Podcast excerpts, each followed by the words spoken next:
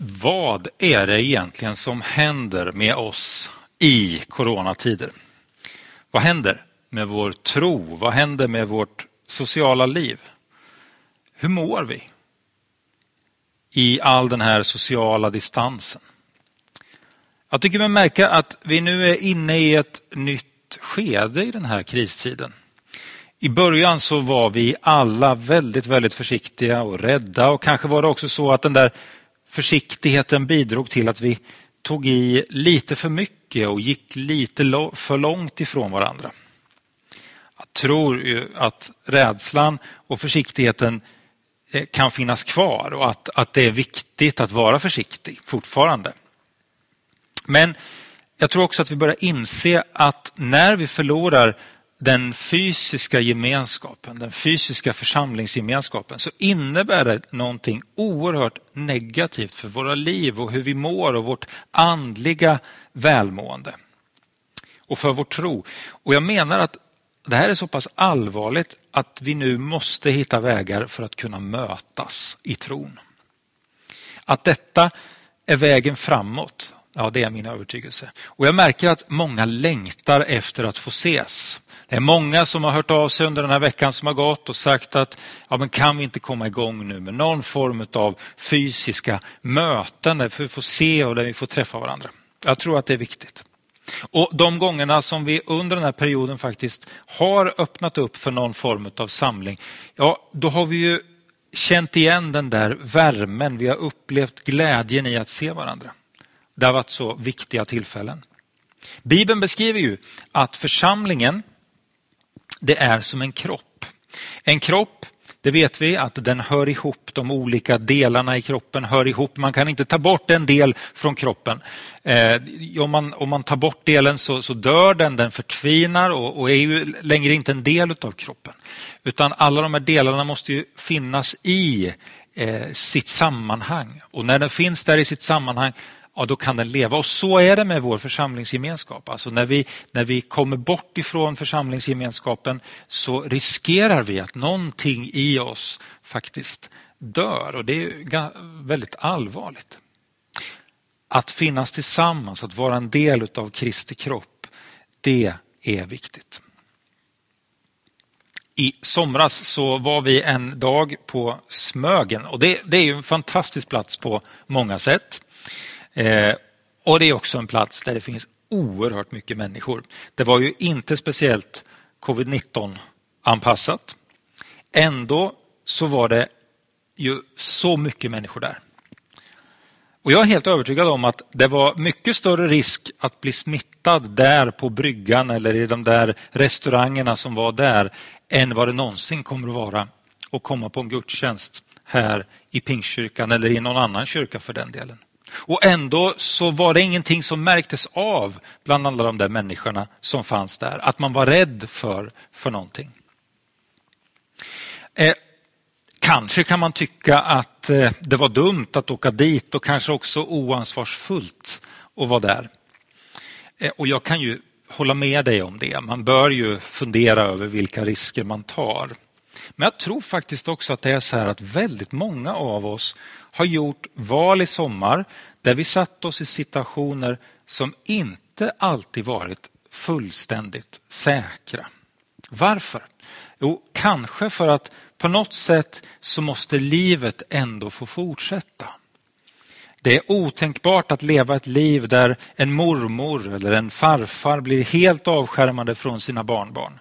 Det är otänkbart att leva ett liv där man kapar alla former av sociala kontakter och fysiska möten. Och Det är också otänkbart att leva ett kristet liv utan mötet med andra troende. Därför så hoppas och tror jag att vi i höst ska kunna hitta goda, säkra, glädjefulla möjligheter för mötesplatser för oss i församlingen. Och nu ska jag i det här sammanhanget läsa då en ganska udda text. Eh, men det finns någonting i den här berättelsen som jag alltså nu ska läsa som jag, som jag tror kan stämma in på oss och vår tid och förhoppningsvis så kan det kanske också hjälpa oss lite grann framåt. Det här är hämtat ifrån första Mosebok, det tredje kapitlet. och vers 1 och sen framåt ett stycke. Och Det här handlar om Abram och Lot och jag läser. Abram bröt upp från Egypten med sin hustru eh, och allt han ägde och begav sig till Negev. Lot följde med honom. Abraham var nu mycket rik, han ägde boskap och silver och guld. Han flyttade från lägerplats till lägerplats och kom från Negev till Betel, till det ställe mellan Betel och Ai där han förut hade haft sitt läger och där han den gången hade rest ett altare. Där åkallade han Herren. Också Lot som vandrade tillsammans med Abraham hade får och kor och tält. Landet räckte inte till för dem båda. De hade så mycket boskap att de inte kunde bo på samma plats och det uppstod stridigheter mellan Abrahams herdar och Lots. Då sa Abraham till Lot, inte ska det råda osämja mellan dig och mig eller mellan mina herdar och dina. Vi är ju av samma släkt. Ligger inte hela landet öppet för dig? Går du din egen väg. Går du åt vänster så går jag åt höger och går du åt höger så går jag åt vänster. Lot såg ut över Jordanslätten. Han såg hur vattenrik hela trakten var. Ända fram mot Soar var den som Herrens trädgård, som Egyptens land. Detta var innan Herren ödelade Sodom och Gomorra. Och Lot valde Jordanslätten och flyttade österut. Så skildes de från varandra. Sedan bodde Abraham i Kanan och Lot i städerna på Jordanslätten. Lot hade sina tältplatser ända bort mot Sodom. Och människorna i Sodom var onda och syndade svårt mot Herren. Ja, alltså den här berättelsen om Abraham, om Sarai, hans hustru, det är en fantastisk berättelse. Abraham och Sarai som blir kallade utav Gud att bege sig från det som är deras hemland till ett land som de aldrig tidigare har varit i, som de inte vet någonting om. Gud säger till Abraham att du ska bli ett stort och rikt folk, jag ska välsigna dig. Men när de ger sig av från det här landet, ja då är det bara Abraham och Sarai och Lot och några tjänare som som fanns med och Lots familj som fanns med som drar iväg. Det är inget stort följe som drar iväg. Och allt de har att gå på, det är det som Gud har sagt till Abraham. De vet ingenting om vägarna som ligger framför. De vet ingenting om landet som de möter eller människorna som bor där eller vilka faror som kan finnas. De vet ingenting. Det enda de har det är att Gud har sagt till Abraham att jag ska välsigna dig, du ska få det här landet. Och Så småningom så, så når de ju landet och det händer en hel del saker. Vi läste här att de också har hunnit med och varit i Egypten en sväng eh, och kommer tillbaka till landet för, för andra gången. Eh, och, och, Det märks så tydligt i berättelsen om Abraham att Gud, Herren, är med och välsignar. Här i texten så står det att Abraham, han är nu en rik man med många som arbetade för honom. Herdar. Eh, Lot, han hade också blivit rik under den här perioden. Men så uppstår problemet. De lever för tätt in på varandra och så blir det konflikter som det ofta blir när, när man är för tätt in på varandra. Och Abraham han inser det här problemet och så tänker han att det bästa är att, man, att vi skiljer på varandra, vi går åt varsitt håll. Så står de där uppe på den här höjden och så blickar de ut över det här landet som Gud har gett till Abraham. Och på den ena sidan så fanns den stora floden Jordan som strömmade fram i ett bördigt slättlandskap. En fantastisk plats att leva på, en fantastisk plats att ha eh, eh, boskap på och finnas till på, på alla sätt och vis. Det fanns gott om vatten, gott om betesmarker.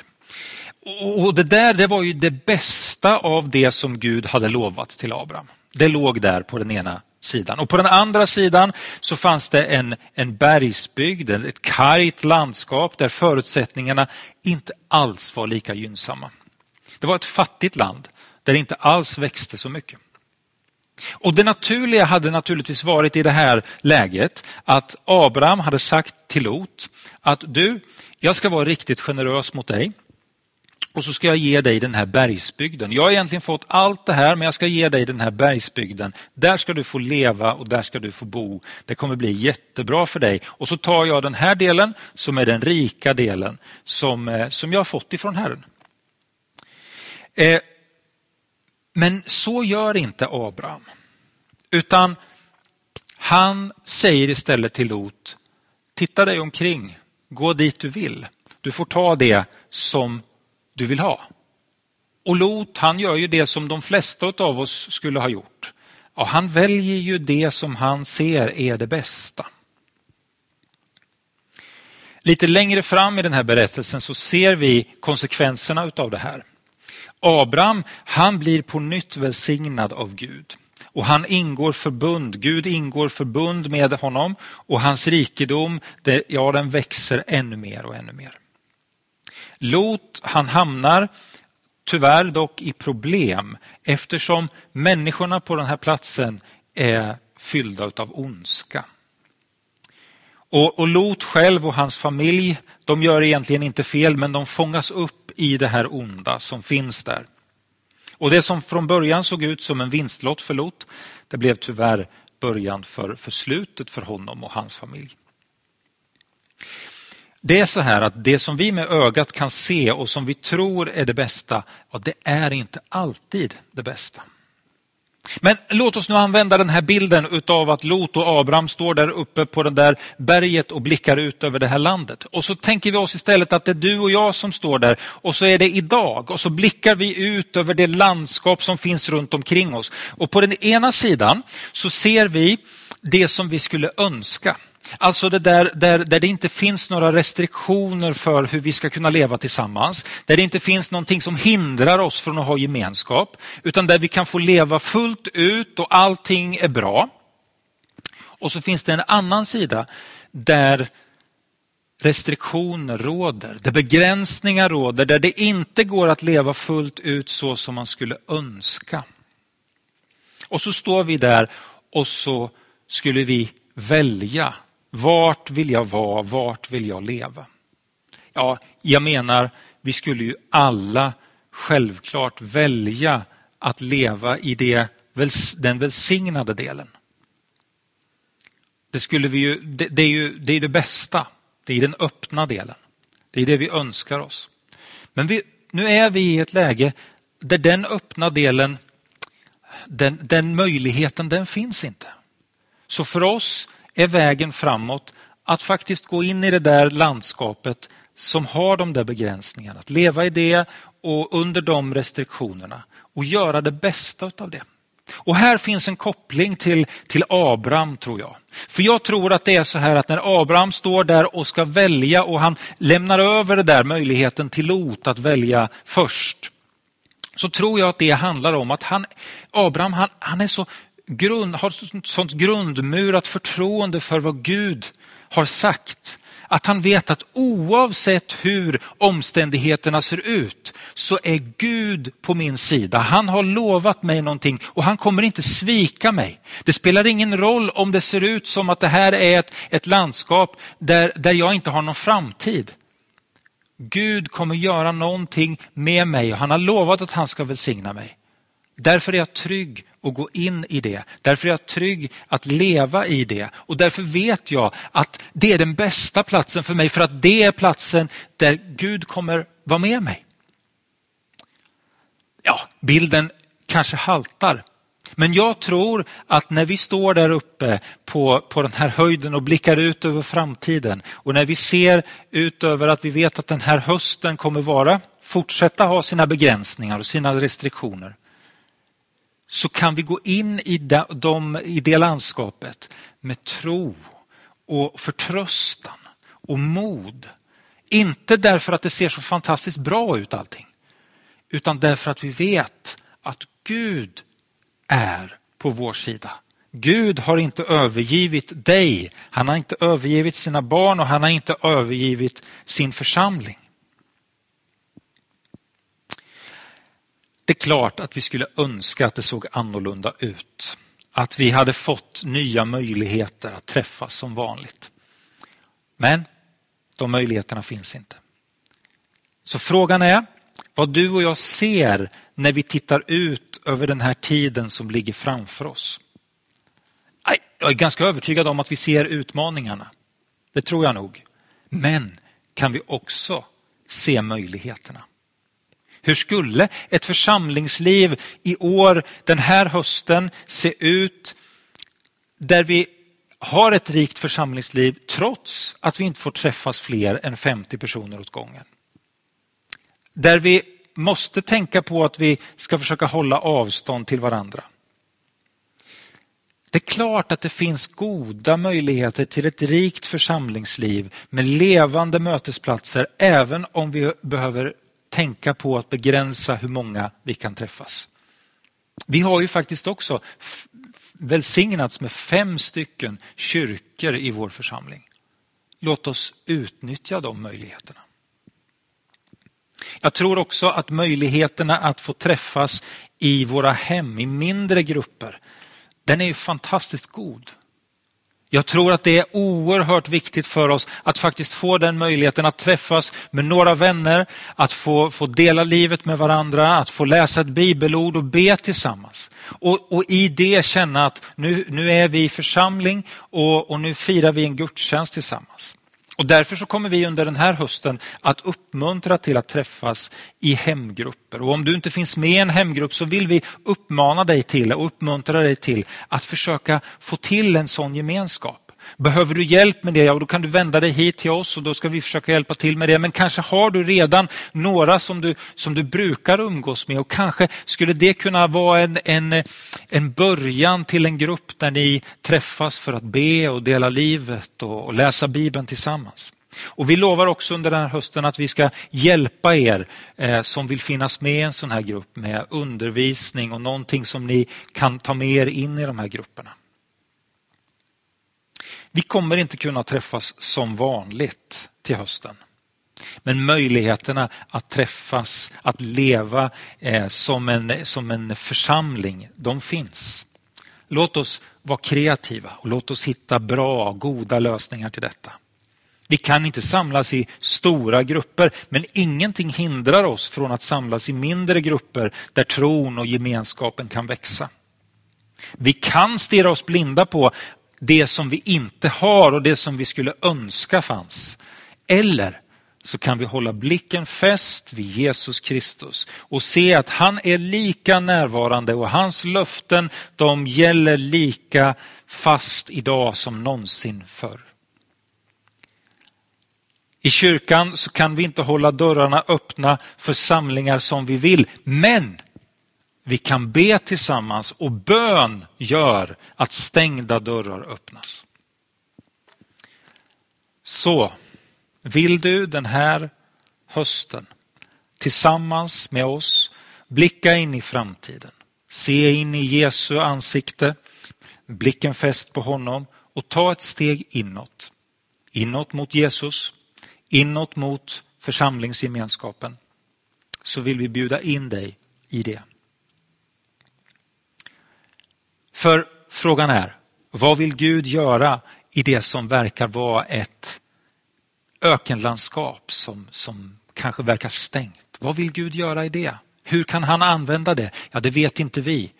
Men han vet vilka vägar han har. Vill han kanske leda oss in i någonting nytt? Finns det något nytt som du kan lära dig om honom? Om att vara människa? Om församlingen?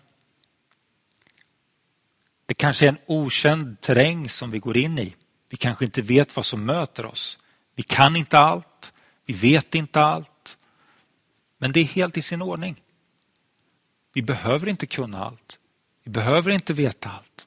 Vi kan göra som Abraham. Ta ett steg framåt i tro. I tro på att Gud finns där. I tro på att Gud är god och att han vill oss det bästa och att han kommer att välsigna och finnas med. Jag önskar dig all välsignelse den här hösten. Jag önskar dig rika, goda möjligheter till gemenskap med andra människor. Och jag önskar att vi som församling ska få kunna ta ett steg inåt mot Jesus och ta ett steg inåt mot gemenskap. För vi behöver vår Herre. Vi behöver samlas kring honom, lova honom, ära honom. Och vi behöver varandra. Ska vi be tillsammans? Herre, tack för de möjligheter som du har. Det som vi inte kan se. Tack Herre Jesus för att du banar en väg genom den mest ogästvänliga terrängen. De största omöjligheterna, Herre Jesus. Där finns du och kan leda oss igenom. Herre, jag vill be för var och en som tittar idag. Jag vill be att du ska välsigna. Jag vill be att du ska vara med. Ta hand om och hjälpa och styrka. Stärk den som är svag, Herre. Ehm. Och kom nära oss. Och låt oss hitta rätt nycklar, kreativitet i att leva tillsammans som församling. Tack Herre Jesus för att du vill hjälpa oss den här hösten. I Jesu namn.